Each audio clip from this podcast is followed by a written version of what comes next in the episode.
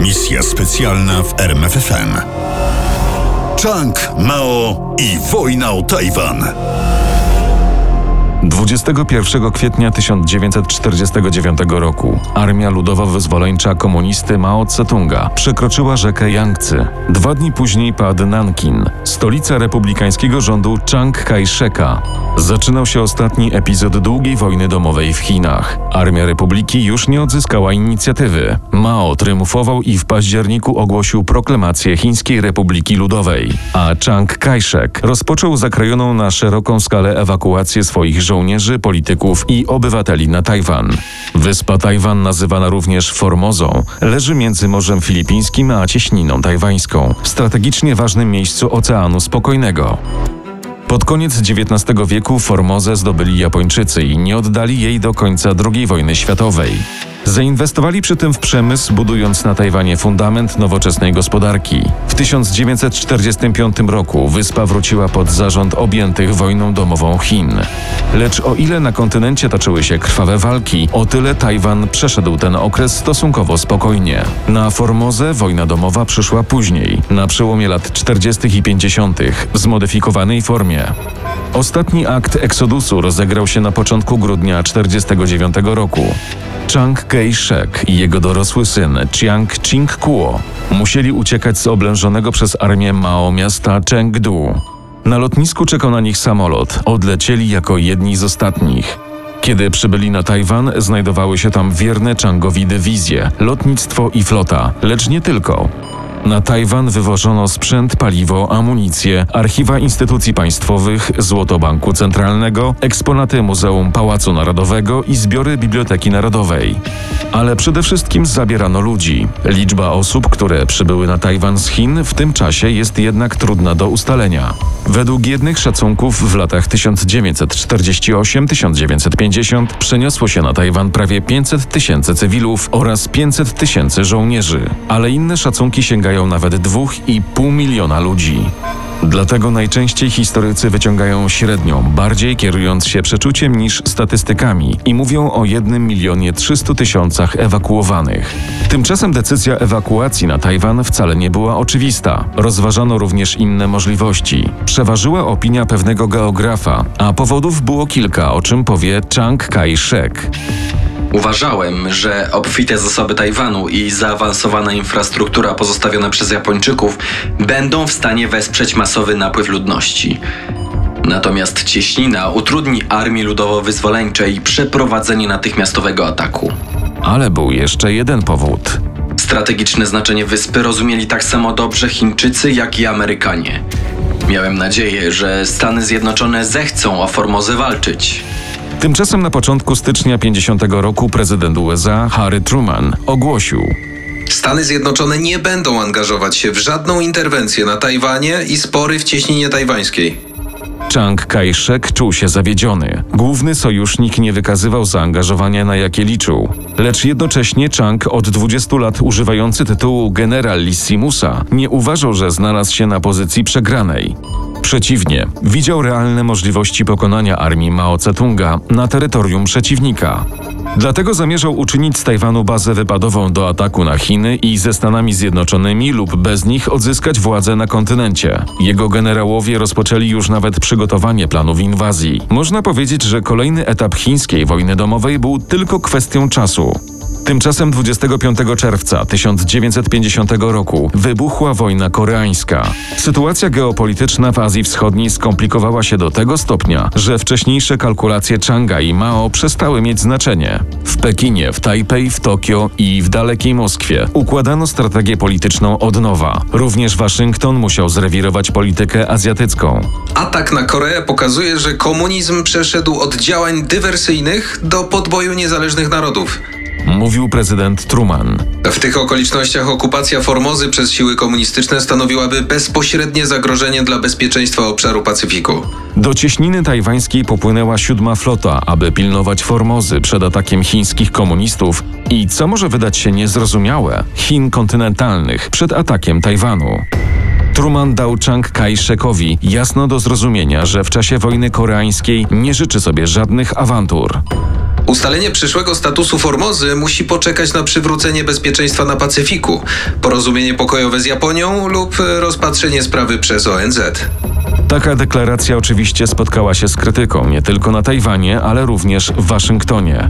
Pomimo, że administracja prezydenta Trumana nie pozwalała Chiang Kai-shekowi wyzwolić Chin spod władzy komunistów, a generalissimus rwał się do wojny, ale hamowała go obecność siódmej floty Stanów Zjednoczonych. Wszystko zmieniło się po zakończeniu kadencji Trumana. W lutym 1953 roku nowy prezydent Dwight Eisenhower zabrał okręty do Japonii, tam gdzie znajdowała się ich baza. Kai-shek wreszcie mógł działać.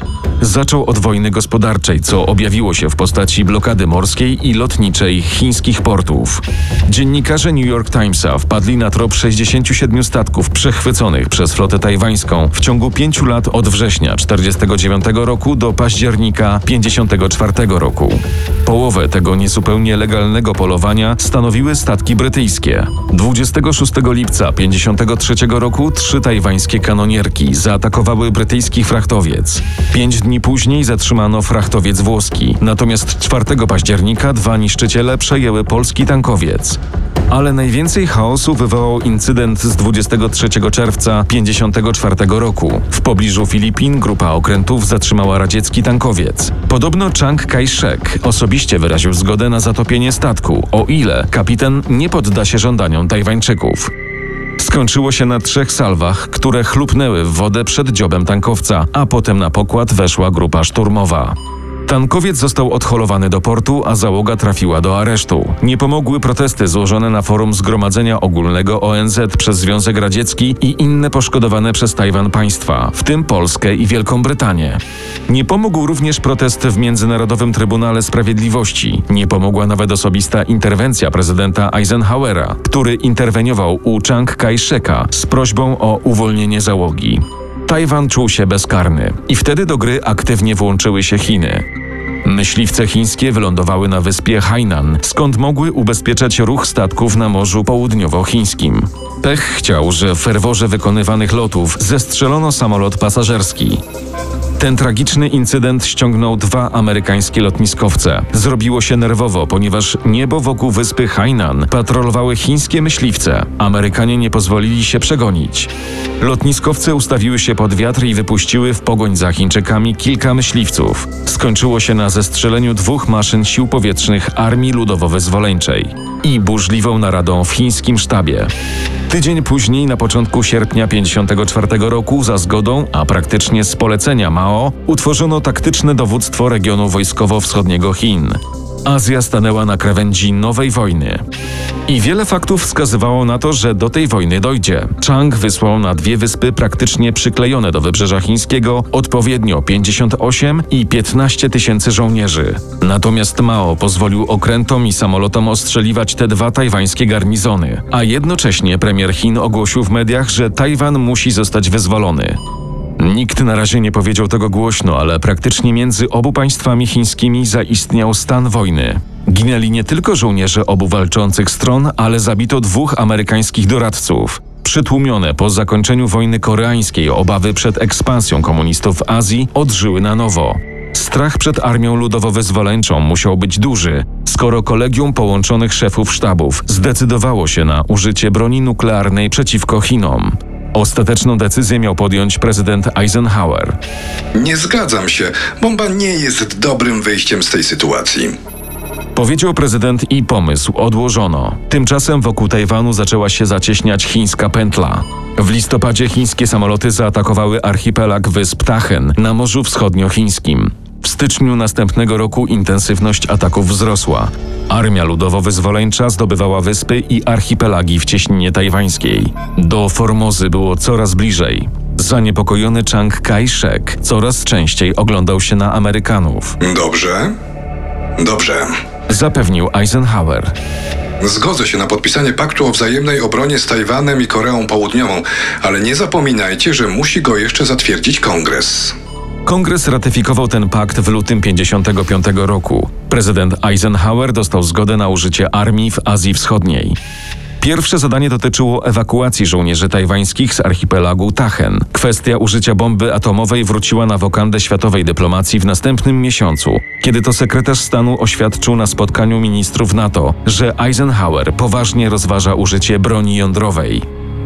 Zanim skończył się marzec 1955 roku, jeszcze raz Waszyngton straszył Chiny. Tym razem nie wspomniano o broni masowego rażenia wprost.